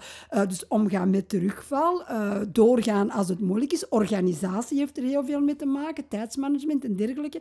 Dat zijn gelukkig ook vaardigheden en skills die je algemeen in het leven kunt gebruiken. Want discipline, dat krijg je niet zomaar. Discipline kan je ook oefenen. Zeg je, oh nee, dat kan niet, want ik heb nooit discipline gehad. Maar jawel, is waarschijnlijk omdat je doel nog niet inspirerend genoeg was, dat je de discipline niet hebt kunnen ontwikkelen. En er zijn dan zoveel goede inzichten over. Dus ja, ik ging het kort houden. Dus dat is voor de mindset. hè. Toch wel een bepaalde groeimindset willen hebben. Ik wil door het proces gaan en een reis maken in je eigen lichaam. Dat is eigenlijk de eerste mindset dat we nodig hebben. De tweede gaat over eh, gedachten. Mhm. Want heel dikwijls zitten mensen toch wel met dat duiveltje in het hoofd.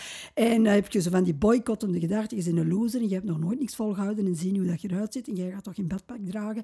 En eh, je, je, je kunt dus je- jezelf nog niet goed verzorgen. Je voor je kinderen goed zorgen? Je krijgt heel negatieve gedachten, wat je voor geen meter vooruit helpt. Ja. Dus we gaan ook gedachten trainen. Maar dat klinkt nu in het kort allemaal veel moeilijker dan dat dat in het echt is. Het is voor de mensen ook een openbaring van... Ah ja, ik kies zelf mijn gedachten. Ja. Zelfs emoties. Dus dat is, dat is zo, daar kunnen we zoveel mee doen.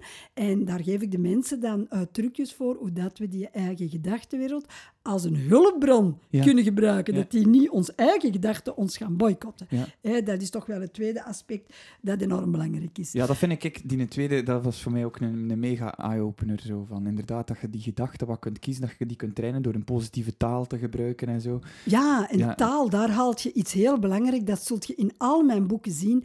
Eigenlijk eh, vind ik voor gezonde levensstijl ook wel een nieuwe taal uit. Want met die oude begrippen Goh, weet je, gezond en ongezond, dat werkt toch voor geen meter. Want al wat dat ongezond is, vind ik ongelooflijk lekker. Ja, ja, ik ja, vind ja. dat super lekker. Nu gaan we toch niet zeggen dat frieten of een eclair of weet ik wat dat dan niet lekker is. Dat is waanzinnig lekker. Maar gezonde voeding is ook lekker. Ja, voilà. Dus, en daar gaat het om. Maar ik noem dat dan hè, swingvoeding. Dat is de, de voeding die je energie geeft. Ja. En een genotsmiddel, dat is ongelooflijk lekker. Maar dat helpt u geen stap vooruit voor energie. Integendeel. Maar niettemin zijn die genotsmomentjes toch ook wel leuk in het leven, belangrijk in het leven. Maar we kiezen dan de goede momenten en de goede redenen. En uw verdriet wegeten of een emotietje of de stress met uw baas of de ruzie met uw man of de miserie hier of daar. Daar is eten niet de beste Ja. oplossing voor. Begrijp je? Dus ook door een andere die genotsmiddelen. We gaan ook werken met een genotstop 10. En dat geeft de mensen ook, wauw, mijn genotstop Ja, 10. ja, ja, ja, ja. En dan krijg je toch wel goesting om die samen te stellen. En ook hè, dat we door bepaalde momenten te eten, hoe dat we het eten, toch ook wel veel progressie kunnen halen. Dan een derde principe is organiseren. Eigenlijk zeg ik, er hebben heel veel mensen geen, geen afslankprobleem, maar ze hebben gewoonweg een, een, een organisatieprobleem. Want je, je, je vertrekt 's morgens te laat opgestaan en niet gegeten. Ja, uiteraard heb je dan een suikerdiep om tien uur. En dan heb je zo op de bureau ofwel een automaat waar je van alles kan krijgen, of zo pick-up. En dan gaan we weer een suikersnack eh, pakken. Dat gaat dan even schoon. Na een half uur heb je weer, weer een diep. Je hersenen worden daar onrustig van en dergelijke. Dus dat is eigenlijk een gebrek aan organisatie. Als het lichaam niet voldoende water krijgt, een lichaam tracht altijd te krijgen wat dat het wil, ja, dan is dat lichaam zo slim om water te, te- toch te kunnen hebben door je meer honger te geven. Ja. Want al wat dat je eet, er zit water in. Ah, ja. Dus gewoonweg door u niet regelmatig te hydrateren, gaat eigenlijk je eigen systeem eh, het, het moeilijk laten maken en gaat je constant goesting krijgen in van alles. Niet omdat je honger hebt, maar omdat je dorst hebt. Allee, Dat zijn zo van die hele kleine dingen. Maar dat heeft allemaal met organisatie te maken. Als we de juiste voedingsmiddelen eten, dan, ik zeg altijd, een lichaam dat content is, dan laat u meer rust. Dat is Ja. Dat, dat laat u niet een hele dag goesting krijgen in van alles. Ja, goesting krijgen in dingen te willen leren en uw job te doen en, en met mensen in de ogen te kijken en mooie momentjes te plukken.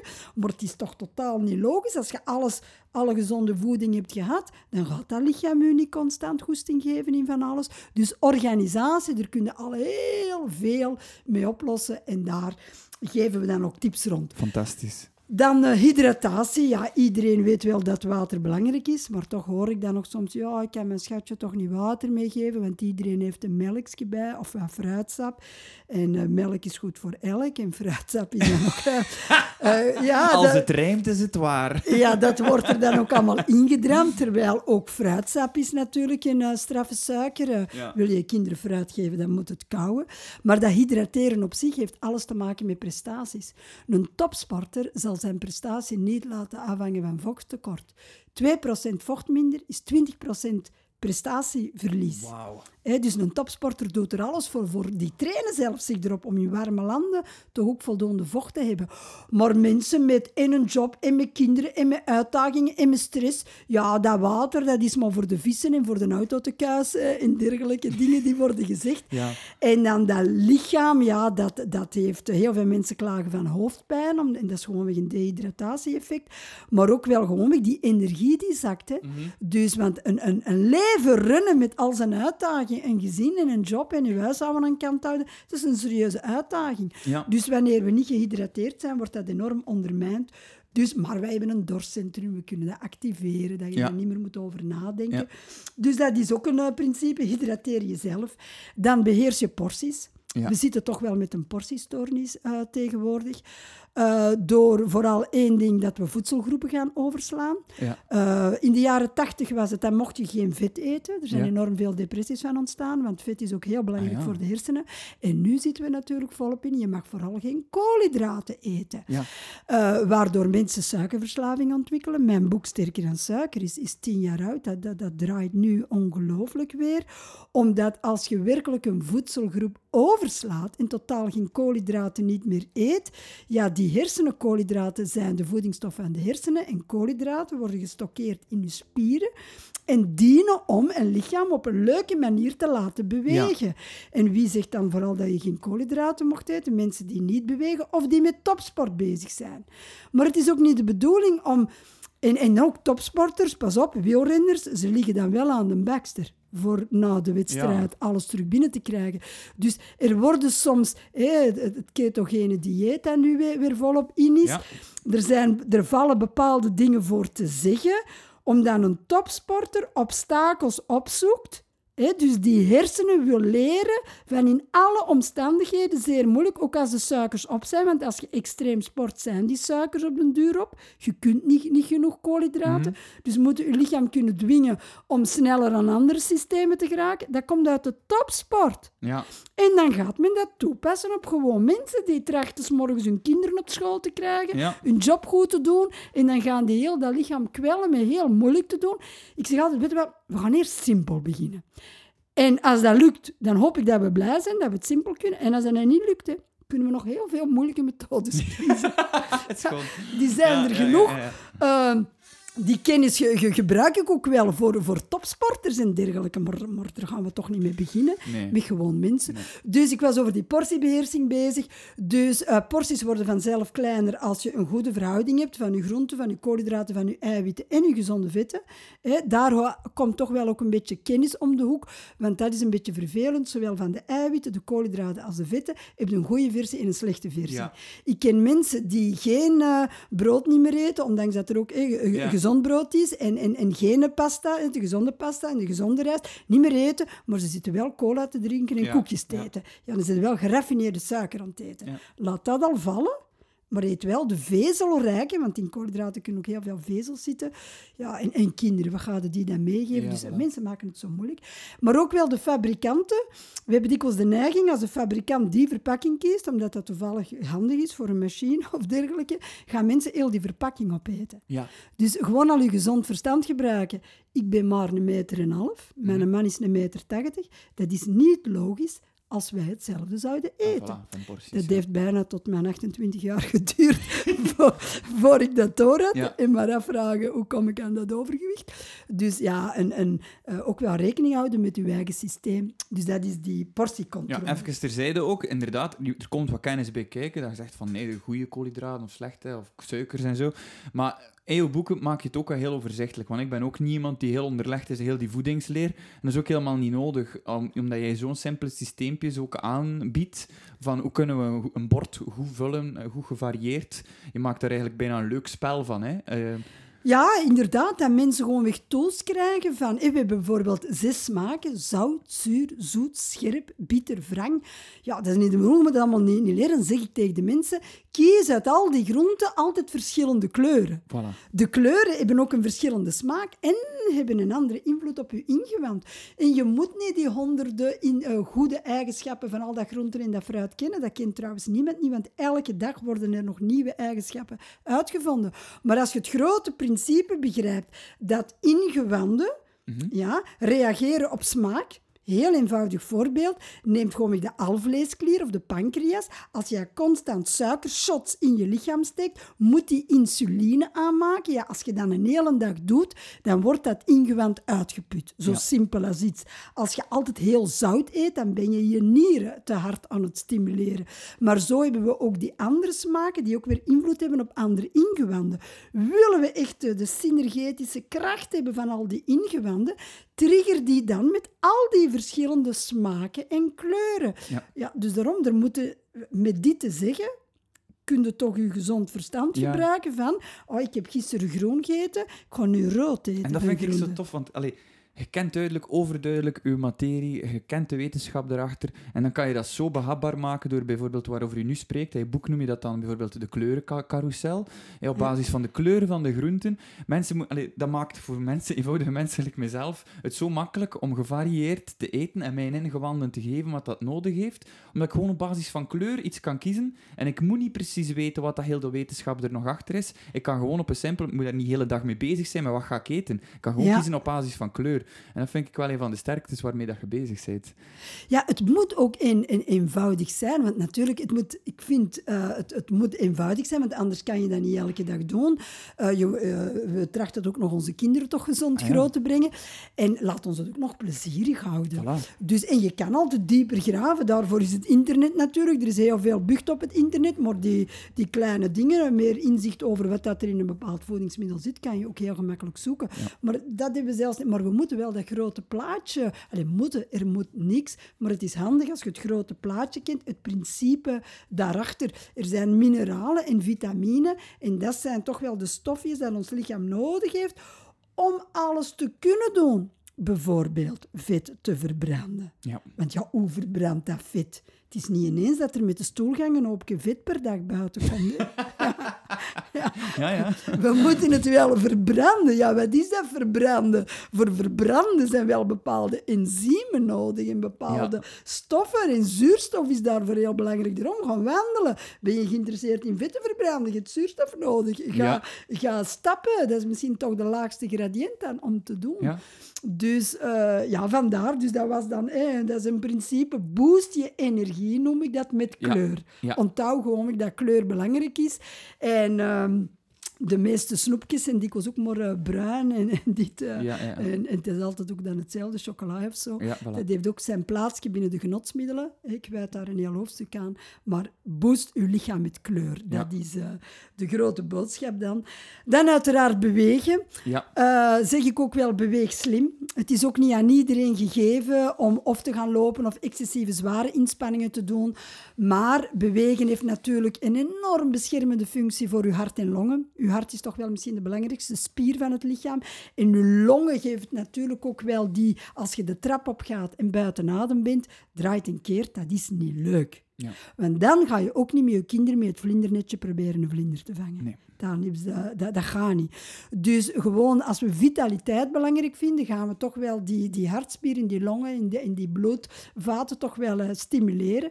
Maar daarnaast hebben we ook die, die 600 spieren die iedereen heeft, alleen is de shape verschillend. Ja. En dat is een beetje verneinigen van de natuur. Als we die spieren niet activeren via wat krachttraining, wat vroeger automatisch was. Mensen moesten of stappen of fietsen, op het land werken. Vroeger was de echte lichaamsarbeid was de arbeid. Minimum 8 à 12 uur per dag. Dus ja, dan ga je niet naar een fitnesscentrum, dan ga je niet een les PEM doen. Maar als we nu een, een, een totale tegennatuurlijke levensstijl hebben, een hele dag zitten, Ja, ja. Trouwens, ik zelf nu ook, door ik natuurlijk schrijf. Ik, ik, ik kan niet al stappen schrijven, dat lukt me nog niet. Eh, helaas, ik heb dat wel geprobeerd, maar dat lukt me echt niet. Dus ik zit ook Ja. heel veel uren op een stoel, maar ik, daar, daar word ik eigenlijk ook wel een, een, beetje gek van. Ik moet dat afwisselen met bewegen. Allee, dat doet echt wel slechte dingen voor je lichaam. Dus beweeg slim bedoel ik mee. Eh, doe het per gradient. Ik zeg altijd van ja, je hebt niet elke week misschien zin om te sporten. Maar als je gezondheid of energie belangrijk vindt, dan kan het niet dat je per dag niet x aantal stappen doet. Ja. Dat kan niet. Nee. Dat, dat kan echt niet meer. Dan ga je nooit niet meer de lift pakken. Dat doe je niet. En je bent blij dat je een auto verder kunt plaatsen, want dan heb je weer al eens 100 meter om te stappen. Ja, en ja. twee keer 100 meter is 72 kilometer op een jaar. Of 73 kilometer op een jaar. Ja. Doen die kleine dingetjes het? Ja, dat doet het. Dus, en wat dat ook zo leuk is, een lichaam doet wat dat het het meeste doet. Dus hoe meer dat je beweegt op den duur, zie je niet op voor een trap. Dan denk je, wauw, ik kan hier een trap nemen. Ja, ja. En dan ga je niet in een hotel automatisch naar die lift. Dan ga je naar die een trap, misschien uitgezonderd met je koffers, rugbesparend werken. Oké, dat is dan ene keer. En dan ga je naar de trappen. Je maakt er een sport van om de trappen te zien. Ja. Je hebt ook heel lelijke trappenhuizen. Hè? Ik ben ook al opgesloten geweest in trappenhuizen, omdat dat de nooddeur niet meer werkt. Maar daarom, eh, ja, activeren is ook maar een gewoonte. Ja. Hè, we eten wat we het meeste eten, we doen wat we het meeste doen en we lusten wat we het ook het meeste eten. Dus we kunnen daar zelf heel veel aan doen. Wat is er dan nog? De maagrust. Uh, maagrust is eigenlijk rekening houden met je bioritme. Mhm. En eigenlijk, als je een dag bekijkt, 24 uur, ik zeg altijd, ja, kijk, als we dat nu in twee splitsen, 12 uur gebruiken om voeding op te nemen en laat dat lichaam 12 uur hebben om alles te verteren. En te verteren is dan zowel negatieve gedachten en emoties verteren, maar ook al de voeding verteren, bepaalde hormonen aanmaken, zoals bijvoorbeeld het verzadigingshormoon wordt s'nachts aangemaakt. Ja? Of het hongerhormoon wordt ook s'nachts aangemaakt. Als we geen goede slaap hebben, krijg je veel meer hongerhormoon en veel minder verzadigingshormoon. Ja. Je voelt dat als je een slechte nachtrust hebt gehad, dat het allemaal moeilijker wordt. Je gaat vanzelf snoepen. Wat is dan dat snoepen? Dat is energie pakken. Want voeding geeft normaal energie. Ik heb dat direct, als ik, als ik eh, inderdaad weinig slaap, dan heb ik zin in die dag in frieten en chocola en pizza. Ik zou het allemaal opeten in een dag. Dat is Ja. echt vreselijk. Dus onder vermoeidheid heb je die nacht dat pakketje goede hormonen niet optimaal kunnen aanmaken. Maar als je op den duur dat inzicht hebt, dan weten, ah ja, ik heb vannacht heel slecht geslapen, het was Ja. een korte nacht. Ik, ik, ik moet vandaag, of ik wil vandaag opletten dat ik toch niet in mijn klassieke valkuil trap Ja. van snoepen. Ik ga nu zeker goed mijn ontbijt nemen, tussendoortje eh, gebruiken als dat nodig is, middagmaal, avondmaal enzovoort. Dus dat wil ook zeggen, rekening houden met jezelf. Neem gewoon slaap. België staat op nummer 1 van de slaapmiddelen. Maar melatonine, het natuurlijke hormoon dat zorgt voor onze slaap, heeft een aantal voorwaarden. De eerste voorwaarde is daglicht. Uw slaap maak je aan overdag. Heb je geen licht dat, dat naar uw pijnappelklier gaat, hè, via uw ogen, dan heb je niet dat, dat ideale momentum s'avonds om die melatonine beginnen aan te maken. We hebben daglicht nodig om melatonine aan te maken, punt 1. En ten tweede kan melatonine alleen maar op gang komen als de prikkels worden afgebouwd. Dus ja, geen lichtprikkels niet meer, niet meer eigenlijk de computer en ziet dan de smartphone en alles. Ja, in bed. We gaan constant maar ons, ons lichaam dan terug die lichtprikkels geven. Overdag hebben we ze niet. En we gaan ze wel op een onnatuurlijke Ja, manier ja, geven, ja. op heel slechte momenten. Dus die mela- melatonine die wordt echt onder druk gezet, dat die zijn werk niet kan doen. Punt 2 is, melatonine, de lichaamstemperatuur, moet afkoelen wanneer het hier pas op gang kan komen.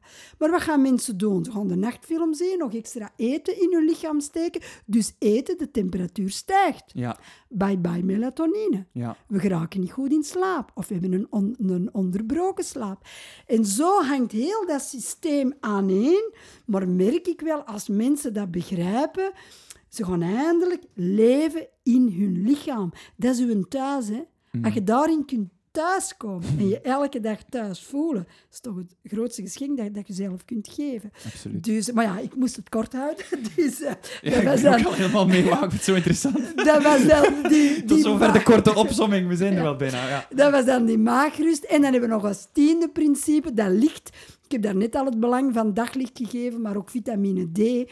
Enorm belangrijk voor je stofwisseling. Ook heel belangrijk naar gezondheidspreventie toe, eh, naar kanker toe. Maar ook licht geeft ook een licht. En dan moet dan niet de zon heel hard schijnen, maar echt licht. Ik zeg altijd tegen mensen, tracht elke dag met je ogen licht te vangen. Licht. Dat, dat is ook een, een alertheid daarvoor ontwikkelen. Dat brengt je ook in een bepaalde, dat, dat heb je ook nodig, dat zijn energievitamine. En als je dat licht nog kunt opnemen door buiten te komen, de luchtionen, je voelt dat trouwens ook als je in de natuur komt, hoe als je bij, bij bergen bent of bij bomen komt of bij water, dat geeft een bepaalde energie. Dat hangt in de lucht. Dat zijn echt ook luchtionen die je, uw immuniteit versterken, die je gewoon ook de, de goesting geven, de dankbaarheid geven, de, de liefde geven voor jezelf. En nu klinkt dat allemaal zo wat esoterisch, maar dat zijn ook wel die kleine dingen. Maar dat vind ik wel interessant. Ik vraag me inderdaad af hoe dat komt. Als ik hier tegenover, het is een mooi natuurdomein, als ik daar doorwandel, ik voel dat. Ik word daar, hoe komt het dat een mens opgeladen wordt door in de natuur te zijn? En dat is luchtionen, noem je dat? Of Ja. is dat? Voor het eh, simpel te houden, dat zijn luchtionen. Omdat dus als je bijvoorbeeld ook aan een bron met water, dan komt er ook een, een bepaalde energie vrij. Ja? Eh, ook door dat water. Ja, op de deur mensen die, die echt met, met al die omstandigheden weer, weer bezig zijn, kunnen dat nog beter uitleggen. Ik wil het vooral simpel doen, want je voelt dat, dat dat energetisch iets met je doet. Ik, zeg, ik vraag altijd aan mensen, heb je al eens ooit een wandeling gemaakt? Ah ja, ja, iedereen, heb al een ander. En heb je al eens ooit eh, gevoeld dat je geen goesting had om buiten te gaan? En het was bijvoorbeeld heel slecht weer en heb je het toch gedaan? Ah ja, ze hebben dat dan toch gedaan. Ik zeg, en heb je dan nadien ooit gedacht, ah verdomme, wat een rotwandeling. Heb ik daar spijt van? Nee, dat doet altijd goed. Ja. In de buitenlucht komen, dat doet gewoon weer goed, is dankzij het licht. En als we dan bij de zuurstofbronnen zijn van bomen en van water, of helemaal in de natuur of aan de zee, of eh, als we naar de bergen kunnen gaan, ja, dat versterkt gewoon weer een, een, een mens. De natuur is natuurlijk ook enorm eh, helend in die zin. Eh, daar is te, te reflecteren, ook als je vol zorgen zit, geef ik aan de mensen ook, ook de tip, leer terugkijken. En dan heel kinderlijk eigenlijk zelf, niet, niet kinderachtig, maar kinderlijk. Boom, vogel, takje, rups, slak. Gewoon benoemen wat dat je ziet, dat je terug je zintuigen leert gebruiken. Door een hele dag met computerwerk bezig te zijn of met mentale vraagstukken of een hele dag in het fabriek Ja. eh, praline moeten inladen of een autoband eh, opsteken. Die zintuigen worden niet meer gevoed Ja, eigenlijk. Dus door gewoon je zintuigen te voeden, door terug buiten te komen, dingen te benoemen, is een boom vast te pakken met je blote voeten in het gras. Ja, dat, dat doet iets met Ja, dat, dat verrijkt ook je, je beleving. Hè. Als we alleen maar naar ons kadertje kijken van ons computerscherm, er is een beetje een vorm van belevingsverarming. Hè. We zijn gefocust op ons werk, we zijn gefocust op één perspectief, namelijk dat scherm dat voor ons staat. En door die simpele met die zintuigen ga je weer terug die beleving eh, aansporen, door dat te benoemen, door die zintuigen te gebruiken. Die, ja. prikkels ook te... Want dat is zo, zoals je duidelijk zegt, mensen hebben eigenlijk op zintuigelijk vlak veel te weinig prikkels. Huidhonger komt heel veel voor. Gewoon mensen kunnen aanraken, eh, lichaamscontact. eh, hé, met MeToo, waar ik ook alle respect voor heb. Maar op een duur zouden we nog iemand niet meer, niet meer durven aanraken. Ja, Of wordt dat al direct grensoverschrijdend Ja, gezien? absoluut. Laat ons toch ook veel... voelt toch ook met, met de mens... eh, als ik jou er, er straks zie, het was een tijdje geleden, een goede knuffel. Ja, daar kan ik toch morgen nog van nagenieten. Dat doet iets met een mens. Dat is eigenlijk ook eigenlijk een van de beste manieren om je immuunsysteem te versterken. Ja. Dus, en daarom, het, het, het eh, hoort allemaal samen. Voor dat lichaam natuurlijk zo in zijn beste kracht te kunnen zetten. Oké, super. Dus ik weet niet of dat al wat duidelijk was, maar daar draaien die tien synergieprincipes rond. En dat woord synergie, ja, ik vind dat zo'n mooi woord. Het is letterlijk, het geheel is meer dan de som der delen. En dat is nu echt wat dat energie en gezondheid is. Hè. Ja. Je kunt niet zeggen, eh, allee, iemand die, die perfect, zogezegd perfect eet. Dikwijls zijn dat zo fanatieke mensen dat het Ja. helemaal niet leuk is voor een feestje mee te doen. hè. Oh nee, dat mag ik niet hè. En altijd dat, dat, dat. Oh, We worden niet vrolijk van. dat geneuzel over. Oh, zou ik nu die een olie eten of die een olie? En zou ik nu een pekanoot pakken in plaats van een walnoot? En ja, come on. Ja, dat is wel het voordeel aan die principes. Het is een beetje een uitgezoomd beeld. Het gaat niet precies over die pekanoot vergeleken met die noot. Het is echt via principes. Ja, stop met al dat Ja. geneuzel en ga voor het grote plaatje en ga vooral voor meer plezier in je leven. Fantastisch, fantastisch. En ehm, voor de mensen die daar echt door geïnteresseerd zijn, één optie is natuurlijk eh, de boeken lezen van jou, maar we gaan ook dit najaar nog op reis. En ik ga zelfs mee met jou op reis. Ja, ik ben zo blij dat jij ik meegaat. ook, ik ook. Want eh, jij organiseert de Fitreis. Kan je daar Ja. iets meer over vertellen? Ja, dat doen we al een, eh, een tiental jaar eh, eigenlijk bijna, dus ondertussen. En wat is er zo leuk aan die fietsreizen? Dat mensen eigenlijk eens uit hun gewone biotoop eh, weg kunnen gaan. Dat doet toch wel eens deugd. Dat ze echt bij zichzelf eh, kunnen komen, maar op een heel prettige manier samen met andere mensen. En wat doen we daar? Eh, mijn man en nu ook met een eh, andere lesgeefster nog, eh, Caroline van Miervelde, eh, gaat ook van de partij zijn die de mensen op hun gradiënt met alle mogelijke vormen van beweging gaat in contact brengen. Ja. Eh, alles mag en niets moet. Dus degene die... eh, eh, mensen kunnen bijvoorbeeld 's morgens met zonsopgang lekker genieten van de koude zee. Oh, dat is fantastisch. Daar wordt ja. ook een zintuigenprikkeling gedaan, of, of een yoga of een meditatie. De mensen zeggen, oh nee, ik doe dat niet. Nu neem ik een kans voor lekker uit te slapen. En dan gaan ze toch eens één keer mee. En dan zijn ze er altijd 's morgens, omdat dat zo fijn is. Dan, het is een vijfsterren hotel, dus prachtig eten. Ze kunnen daar alles eten wat hun hartje begeert. Dus dat Ja. is ook al, al fantastisch dat ze die keuzemogelijkheden hebben.